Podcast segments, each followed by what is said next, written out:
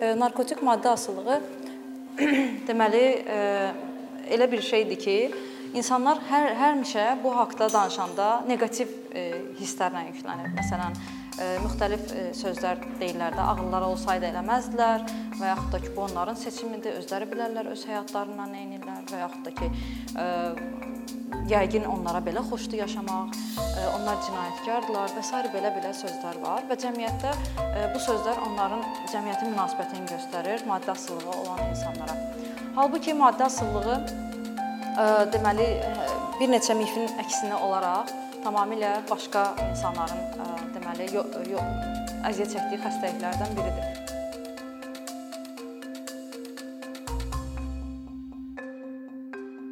Əvvəlcə onu qeyd etməliyik ki, sosial yanaşmaya görə maddə asılılığı bir xəstəlikdir və bu cinayət deyil.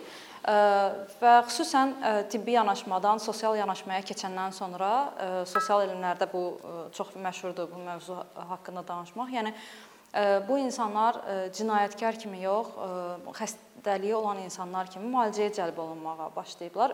Bütün inkişaf eləmiş ölkələrdə demək olar ki, maddə asılılığı olan insanlar deməli cinayətkar kimi artıq həbs olunmurlar.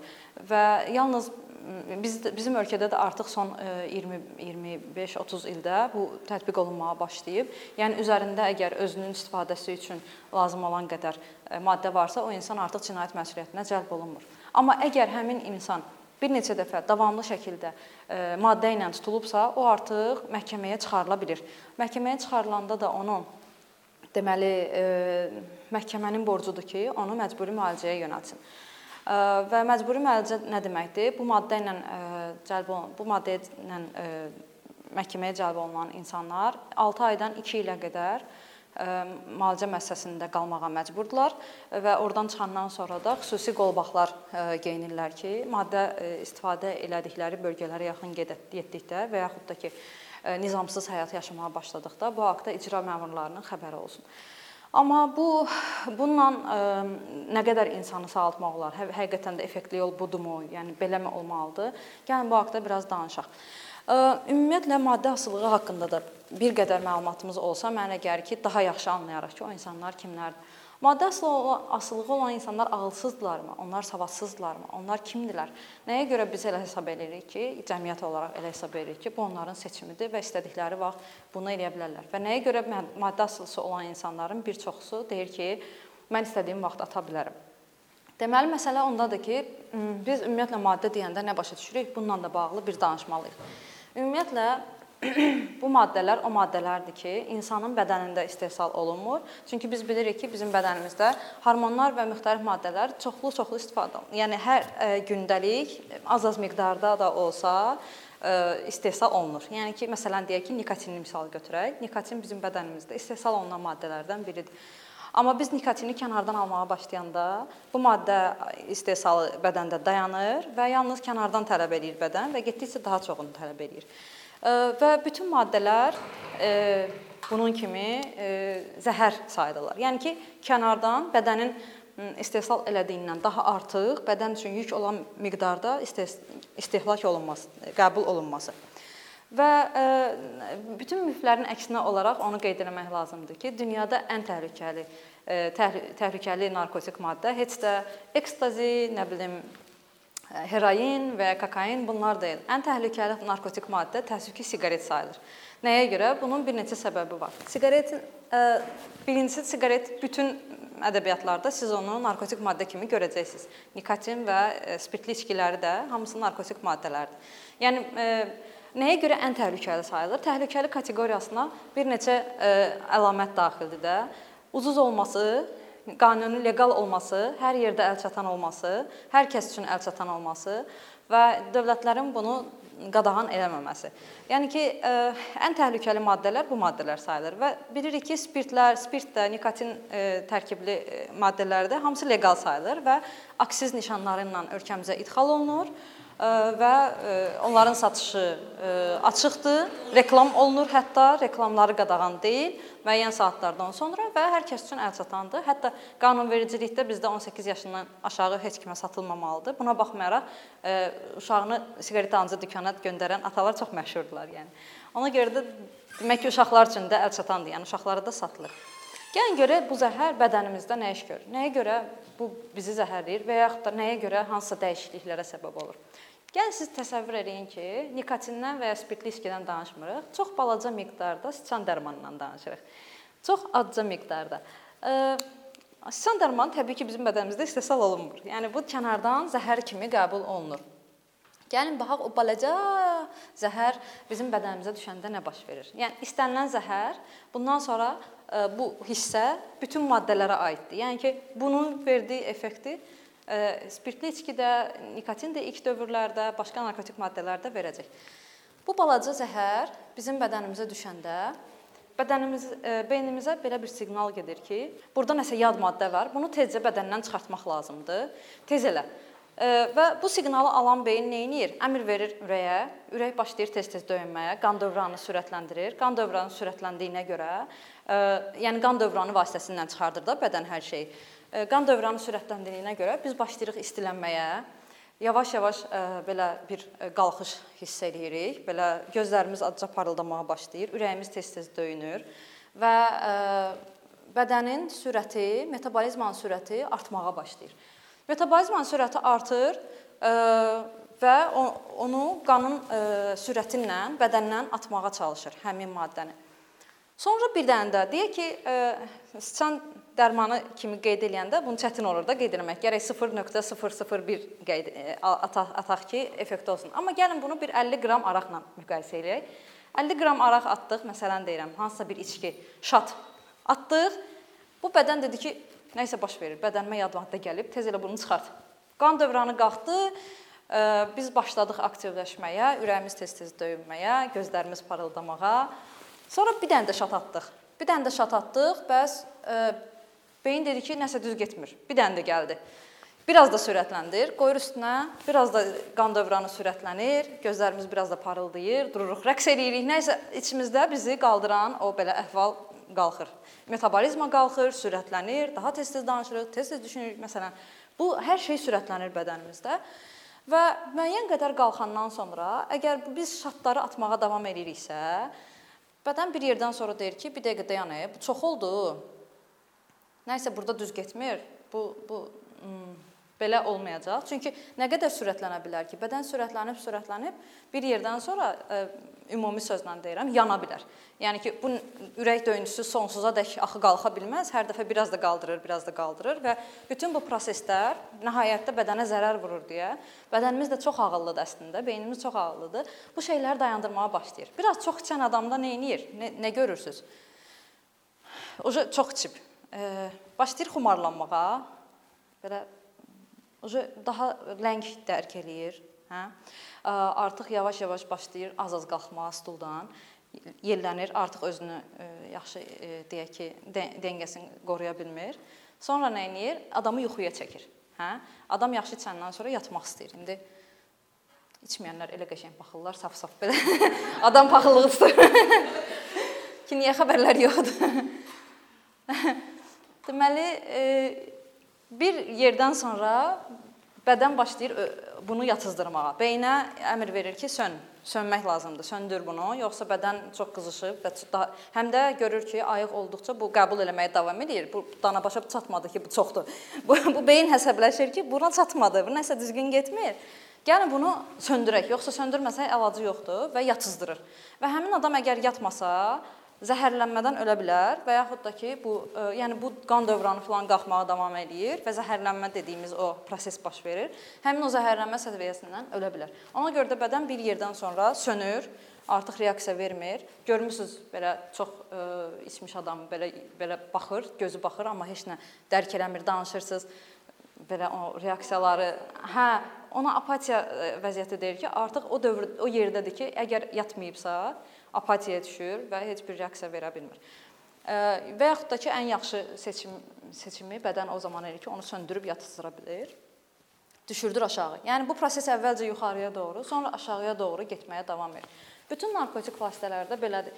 Biz ilkin qəbul etdiyimiz narkotik vasitə az miqdarda bizi mütləq qaldırır. O nəyə görə narkotik maddə sonra qəbul etməyə davam edirlər? Ona görə ki, o həmin vaxt onlara yüksək təsir, yaxşı yüksəldici təsir eləyib. Qalxıb şənlənib, heç vaxt eləmədiyi qədər söhbət eləyib, e, oynayıb, rəqs eləyib, açılışıb, belə də yaxşı hiss eləyib insan özünü. Və ə, aşağı düşəndən sonra əlbəttə ki, bunun əvəzi var da, yəni daha pis vəziyyətə düşürsən. Sabahsı günü ondan daha pis vəziyyətə, məsələn, o paxmel dediyimiz, sonrakı ə, abstinent sindromu deyirlər buna dil, dil elmdə. Yəni ki, lomka dediyimiz vəziyyət ə, ev dilində lomka dediyimiz vəziyyətə düşürük. Yəni sabahsı gün əgər lazım olandan daha çox zəhər qəbul eləmişiksə. Bütün zəhər növləri eynidir. Bayaqlar dediyimiz kimi nikotin də həmin bu qrupaya daxildir. İlk dəfə siqaret çəkən insanın da başı hərlənir, e, gözləri belə e, böyüyə bilər və özünüz də görürsüz onların göz bəbəklərindən, yəni necəsə hiss olunur. Üzü qızarır məsələn, deyək ki, içki içən adamın necə üzü qızarır? Çünki qan dövranı yüksək qalxıb axır. Və e, bunları xroniki olaraq yaşayanda nələr baş verir? Gəlin bir də ona baxaq. Xroniki olaraq Bunu göstərmək üçün ən yaxşı şeylərdən biri e, deməli emosional e, e, tonlar şkalasıdır. Bu belə belə adlanır, amma istədiyiniz kimi adlandıra bilərsiniz. Şkala nədir bilirsiniz də, belə müxtəlif hansısa səviyyədən hansısa səviyyəyə doğru dəyişmə haqqında danışacağıq. Gəlin belə qısa olaraq bura ölüm deyək. Yəni bura 0 olsun. Öldü. Burada nə bilim, məsələn deyək ki, 5 olsun, amma bunun haqqında yazacağam qarşısına ki, bu nədir? Deməli, ölüm ölü haqqında danışmayacaq ki, necə reaksiya verir. Ölüdən biraz diri, bayaqlar dediyimiz bu apatiya. Nə ölməyib, nə dirilməyib, diri deyil. Reaksiya da verə bilmir, hə? Neyniyə bilir? Danışa bilir apatiyada olan adam. Yox. Məsələn, reaksiya verə bilir, düzgün qərar verə bilərmi apatiyada olan insan? Yox. Çünki e, o hal-hazırda onu e, yəni idarə edən e, o o fikirləri, aydın fikirləri şuuru deyil. Apatiyadan da biraz yuxarı deməli xroniki kədər var. Kədər. Kədərli insanda kədərli insan əlbəttə ki, apatiyada olan deyil, hə? Düzdür, kifayət qədər fərqlənir. Amma gəlin görək kədərli insan və ya xroniki kədərlə yaşayan insan davamlı olaraq düzgün qərar verə bilərmi? Özü haqqında yaxşı e, düzgün e, həyat seçimləri eləyə bilərmi? Və yaxud da ki e, şuurlu və ya yaxşı pozitiv qərarlar verə bilərmi özündən bağlı? Çox güman ki, cavabınız yox olacaq. Çünki kədər insanı özünlə bağlı müəyyən dəyişilmiş fikirlərə gətirir, çıxarır və o, o zaman aydın olmur o fikirlər. Kədərdən daha aktiv olan hiss isə qəzəbdir. Qəzəblə kədəri seçə bilirsinizsə əgər, öz üzərinizdə bir misalla seçə bilərsiniz ki, hansı zaman kədərli olursunuz, hansı zaman qəzəbli olursunuz. Yəni bunlar ikisi də bəlkə ola bilər mənbə olaraq eynidir, bizə eyni, eyni görünə bilər, amma qəzəb kədərdən daha aktiv hissdir. Qəzəbli insan daha aktivdir, daha diridir. Hə, reaksiya verə bilir, daha ayıqdır. Kədərli insan isə daha belə yerdədir, düşüb, aşağıdadır. Və ona görə qəzəb kədərdən daha ayıq hesab olunur. Və ə, e, əgər burada sadalasaq, belə bir neçə e, şey e, gedəcək, ə, tonlar gedəcək. Yəni bunları tez-tez keçim. Deməli, burada gizli düşmənçilik bu haqqda danışacağam sonra. Ondan sonra antagoniya var. Antagoniya nə deməkdir? Deməli, antagonist insanlar var hər şeyi inkar edirlər. Yox. Belə nə deyirsən deyir ki, yox, ora gedək, yox, bura gedək, yox, bunu eləyək, yox. Həmişə narazıdırlar hallarından. Ondan sonra e, konservatizm qoya bilərik, konservativ olanları qoya bilərik, səhv eləmirəmsə. Hə, deyirəm də darıxmaq var. Deməli, üzr istəyirəm. Bəzən qarışdırıram bunların yerlərini darıxma hissi daim darıxan insanlardır. Həmişə görmüsüz belə ayda nə edək, ağaraq, nətər eləyək. İndi nə edək? Bütün günü belə nə ilə məşğul olaq? Bu insanlardır. Sonra konservativ. Ondan sonra deyək ki, daha çox güclü marağı olan insanlar. və ondan sonra artıq entuziastlar. Bunları tez-tez keçirəm, amma hər biri haqqında ayrı-ayrı danışmaq çox xoş olardı əlbəttə ki, amma vaxt azdır deyə belə bir nəfəsə danışmağa çalışıram. Nəyə görə bu tonlar haqqında danışmaq önəmlidir maddə asıllığında? Deməli, e, birincisi miflər var. O miflər ki, deyirlər ki, insanlar e, Yəni bunlar hətta elmi miflərdir. Hətta elmlə məşğul olan həkimlər, tibb elmlərindən məşğul olan, sosial elmlərlə məşğul olan insanlar belə maddə istifadəsindən danışanda bu miflərdən əziyyət çəkirlər. Və bu miflərdən biri məsələn ondan ibarətdir ki, e, onlar hesab eləyirlər ki, əgər xəstəlik bu xəstəlikdirsə, onun müalicəsini başqa xəstəliklərdən çox aparmağın ya da başqa xəstəliklər kimi aparmağın heç bir mənası yoxdur. İndi buna qayıdacağam. Bunu çəkdim ki, danışanda istinad edə bilim. Deməli, gəlin baxaq görək. Gəlin maddə asılılığını qoyaq kənara. Danışaq məsələn qan təzyiqindən. Qan təzyiqini bir dəfə müalicə edəndən sonra kiminsə ağlına gələ bilərmi ki, desin ki, Buna baxır, bunu da həftədə 2 dəfə təzyiqi qalxır. Bu, şo bundan ümid üzmək lazımdır. Day bunu müalicə eləməyin heç bir mənası yoxdur. Qoy nətər eləyir, elə də yaşasın.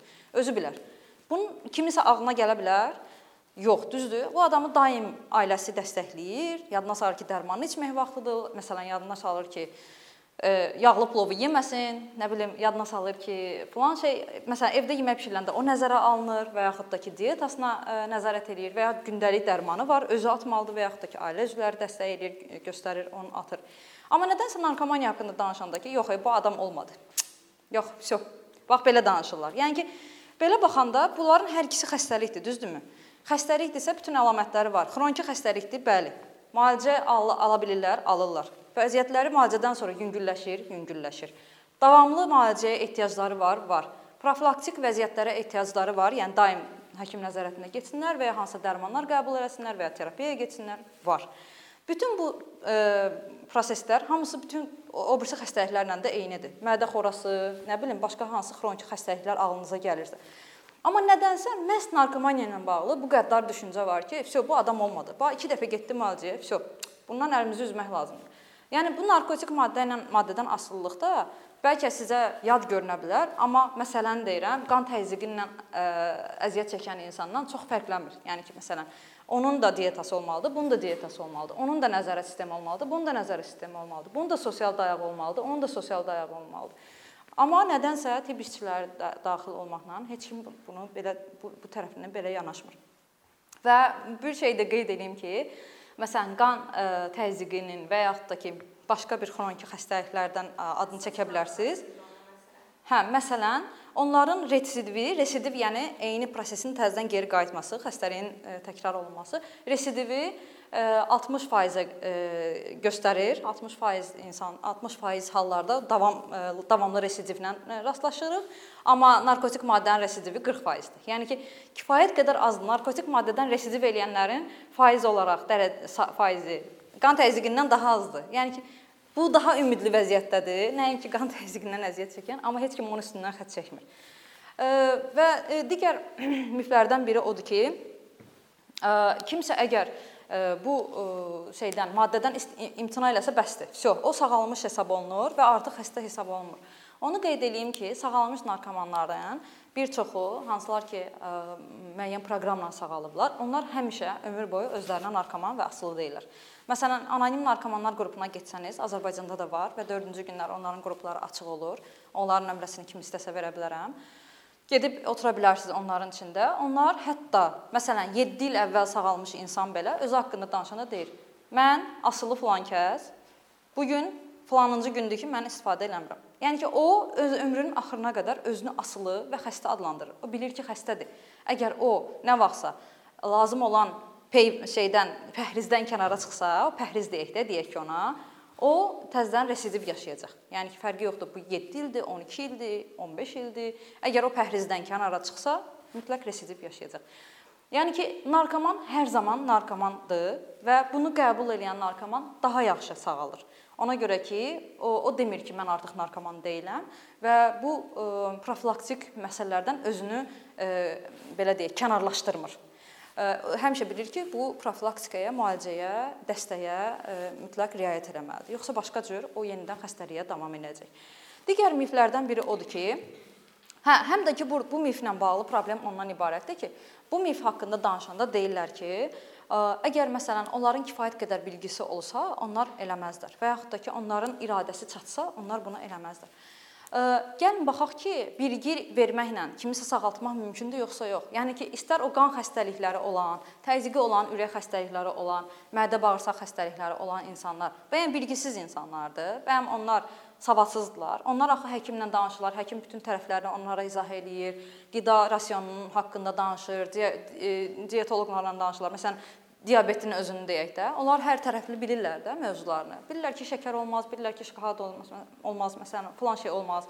Çox stress keçirməməlidirlər və s. Amma buna baxmayaraq geri qayıdırlar. Deməli ki, bilik deyil bu məsələnin əsası. Digər məsələ var ki, ə, insanlar onları ağılsız hesab eləyirlər. Ə, gəlin bu məsələyə bir dənə ə, başqa gözdən baxaq. Bizim beynimiz doğulanda biz yeganə heyvanıq ki, tam formalaşmamış dünyaya gəlirik. Yəni bütün digər heyvanlar öz həyatlarına 2-3 saatdan sonra doğuluşdan 2-3 saat sonra başlaya bilirlər. Məsələn, bir at e, dayçasını doğursa 2 saatdan sonra dayça ayaq üstə olur artıq. 4 saatdan sonra o qaça bilir.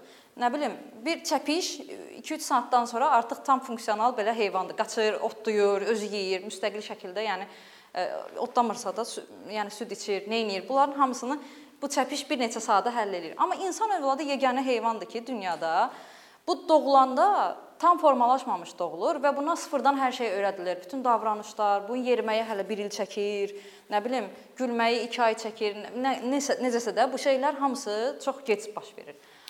Bizim beynimizdə doğulanda tam formalaşmamış olur. Yəni bir doğulan uşağın yalnız arxa tərəfdən beyninin bir hissəsi, kiçik bir hissəsi formalaşmış olur.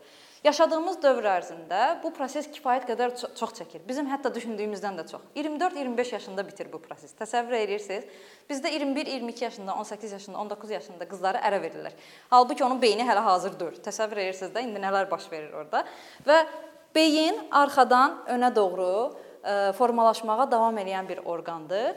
Biz doğulanda yalnız arxa tərəfdən balaca bir dənə hissə hazır olmuş olur və 24 yaşında artıq ön korteks deyilən qabaq korteks deyilən hissə hazır olur və yalnız qabaq ön korteks dediyimiz o hissə bizim qərar verməklə bağlı məsuliyyət daşıyan hissəm, beynimizin o hissəsidir ki, qərar verməklə bağlı məsuliyyəti daşıyır. 24 yaşında, 25 yaşında qərar verməklə bağlı tam for, beyni formalaşıb qutaran insan 13-14 yaşında hansı səviyyədədir? Deyək ki, ortadadır, hə? Biz elə ehtimal eləyək ki, beynimiz ortaya qədər yeniyetmə yaşımızda inkişaf edib şeydən narkotik maddədən asılı olma yaşı nə, necədir? Kimdən soruşsan ki, ilk dəfə siqareti neçə çəkmisən, neçə yaşında çəkmisən, ya da ki, neçə yaşında alkoqol içmisən və yaxud da ki, neçə yaşında ilk dəfə nəşə yoxlamısan? Hamısı deyir ki, əşə 13 yaşımda birinci dəfə yoxladım, 14 yaşımda ilk dəfə yoxladım, 15 yaşımda ilk dəfə. Məsələn, bu yaş 13-17 yaş arasında, 12-17 yaş arasında dəyişir. Yəni təsəvvür edin ki, bu insana biz ağılsız deyirik və onu ittiham edirik. Onun isə beyninin tam olaraq o hissəsi hazır deyil. O tamamilə qərarlarını emosional ə, hissə ilə verir, amigdala ilə verir. Amigdala isə qərar verməklə bağlı soyuq ə, birbaşa qərar verməyə bəs eləyən orqan deyil də. Amigdala daha çox emosiyalara, həzlərə, bu şeylərə, yəni məsuliyyət daşıyır və biz 13-17 yaşındakı uşağı ittiham edirik ki, sənin ağlın olsaydı bunu eləməzdin. Hansı ağıl? Hələ yoxdur axı. Bir dəqiqə formalaşsın, ondan sonra baxarıq bu məsələyə. Və daha çox bizim yeniyetmələr hansı e, mudda olurlar əsasən xroniki olaraq. Deyək, darıxmaqda olurlar. Hə, yox. Hər şeyə belə etiraz eləyən.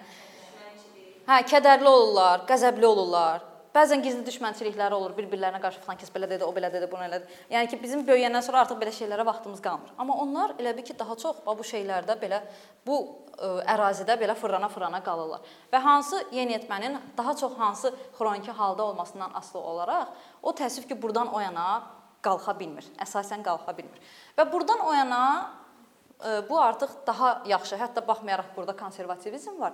O daha yaxşı tonlar sayılır, daha müsbət Çünki ən azından daha sabitdilər və bunu da qeyd edeyim ki, entuziast insanlar, hansılar ki, ə, hər şeyə belə yaxşı kəşflər eləyirlər, yaxşı ə, girişimçi olurlar da o insanlar. Yəni ki, belə ağıllarına yaxşı ideyalar gəlir, yaxşı layihələr yazırlar, yaxşı layihələr icra edirlər. O insanlar məsələn entuziast insanlardır. Ya da o insanlar ki, güclü maraqları var, hər şeyi söküb içinə baxırlar. E.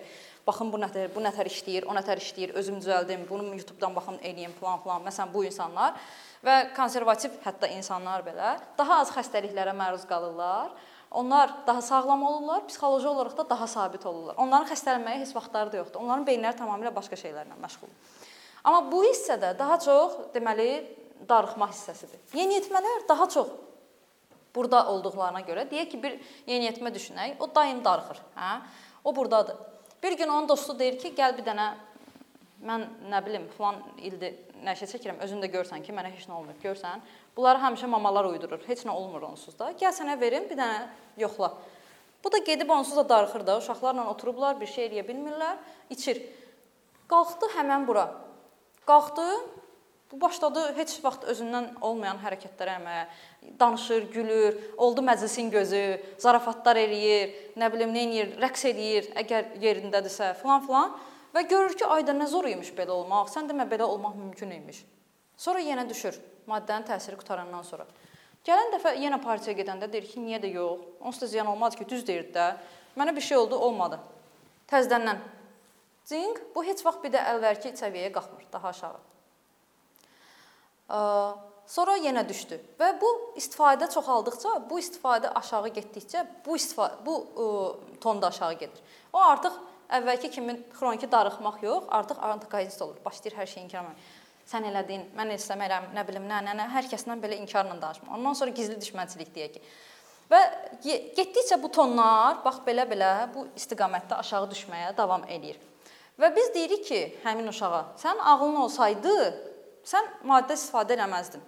O uşaq da deyək ki, 14 yaşında bunu istifadə edib, 17 yaşında artıq burdadır. Daimi kədərdədir məsələn, ya da qorxudadır. Hanı qorxu?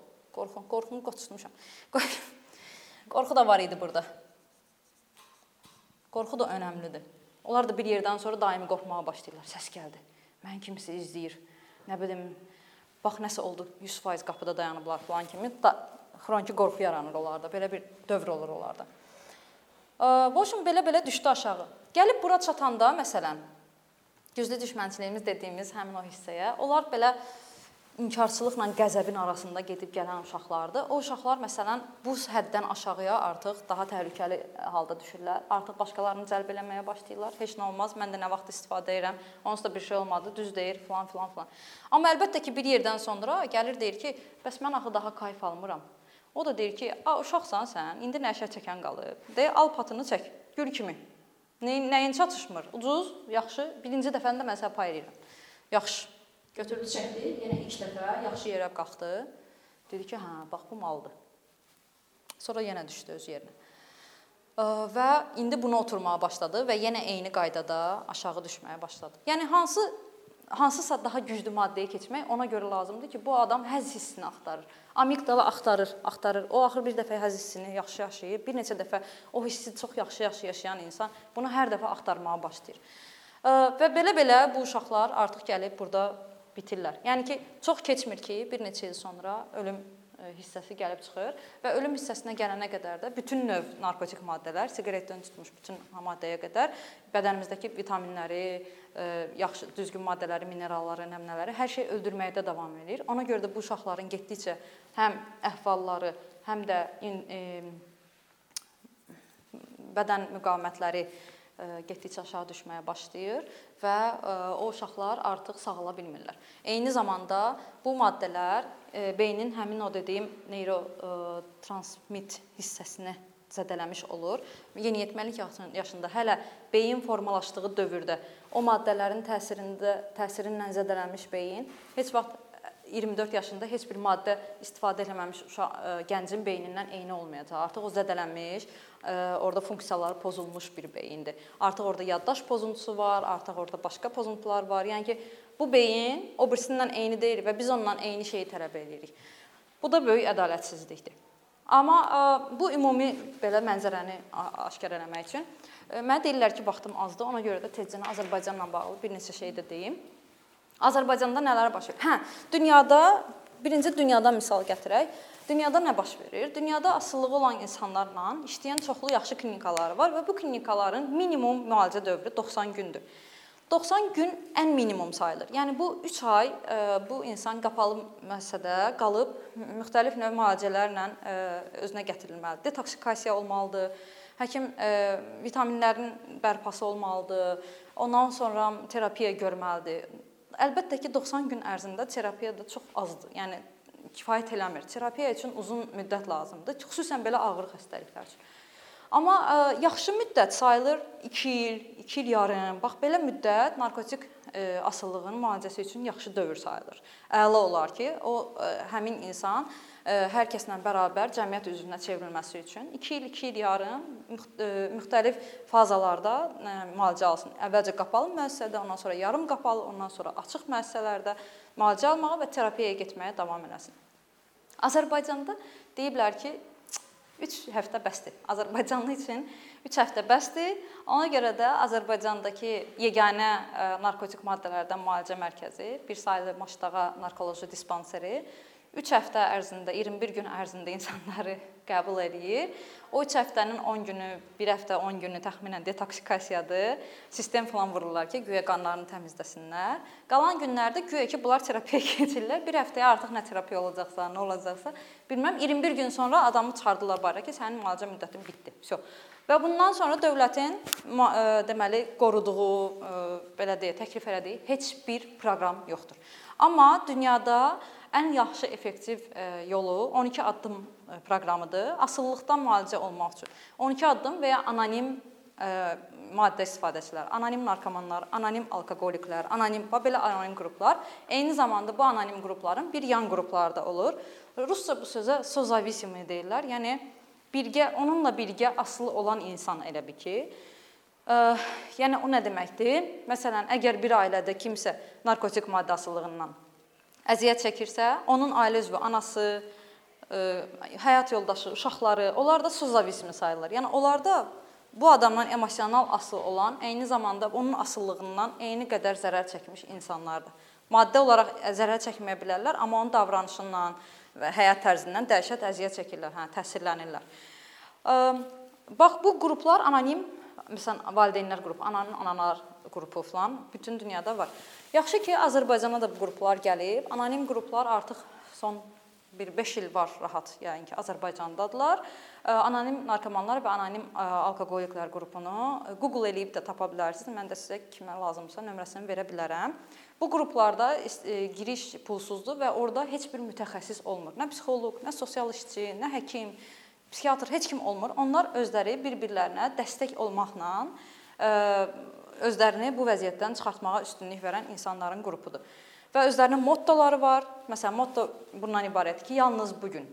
Bu şüardır və çox effektlidir mən düşünürəm. Çox yaxşı təsir eləyir onlara. Yalnız bu gün o deməkdir ki, onlara uzun müddətli heç bir deməli məsuliyyət yükləmirlər ki, bundan sonra məsələn 1 ay çəkmə, yaxud da ki, bundan sonra 2 ay iynələnmə. Onlar sadəcə belə deyirlər. Biz bu gün sağlamıq. Bax bu gün. Sabahları biz bilmirik nə olacaq. Sabahları hara gedəcəyik, qayıdacağıq yoxsa yox. Amma bu gün biz təmizik. Bu yalnız bu gün şüarları bundan ibarətdir və yaxşı işləyir. Amma təəssüf ki, dünyada ə, maddə istifadəçilərinin yalnız 2%-i tam olaraq cəmiyyətə yaxşı vətəndaş kimi geri qayıdıb müalicəsini alıb, ə, geri qayıdıb ə, yaşaya bilirlər. Qalanları isə daha çox ə, funksiyalarının xeylisini itirmiş, daha xəstə, daha e, sağlamlığını itirmiş insanlar olur və belə əziyyət çəkirlər həyatlarının digər hissələrində.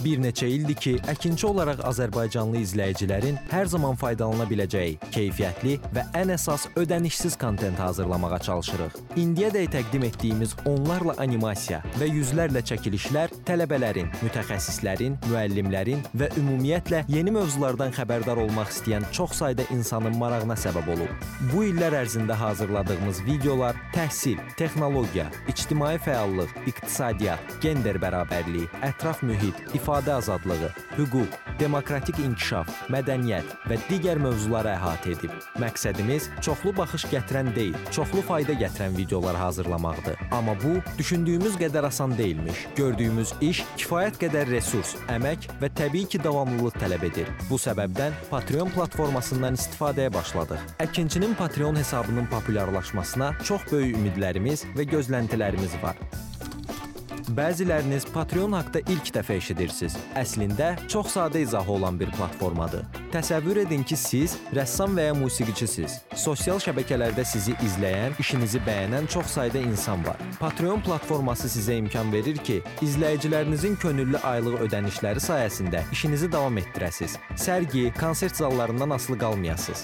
Amma bu təkcə rəssam və musiqiçilərə aid deyil. Məsələn, əkinçiyə bənzər fəaliyyətlə məşğul olan bəzi layihələrin 10 minlərlə patronu var. Biz də düşündük ki, nə üçün əkinçinin Patreon hesabı olmasın? Sizin dəstəyiniz sayəsində biz daha çox və daha keyfiyyətli kontent yaratmağa davam edə biləcəyik. Amma bu dəstək yalnız maddi dəstək deyil. Dəstəkçilərimizin sayının artması gördüyümüz işlərin faydalı olduğuna dair əminlik verir. Patreon platformasından istifadə çox sadədir. Hesabınızı açırsınız, sizə uyğun dəstək növünü seçirsiniz və Patreon özü hər ayın ilk günü kartınızdan seçdiyiniz dəstək növünə uyğun ödəniş tutur. Bu qədər. Sonda onu demək istəyirik ki, dəstəkçilərin sırasına qoşulmaq istəyən, amma məhdud imkana görə bunu edə bilməyənlər narahat olmasın. Daha öncə dediyimiz kimi, bizim əsas məqsədimiz daha çox insanın hər zaman faydalana biləcəyi keyfiyyətli və ödənişsiz kontentin yaradılmasıdır. Bunun üçün mütləq patronumuz patronumuz olmalısınız deyə məcburiyyət yoxdur. Amma imkanınız patron olmağa çatırsa və bizim işimizi bəyənirsinizsə, patronlarımızın sırasına qoşulmağınız bizim üçün çox önəmlidir.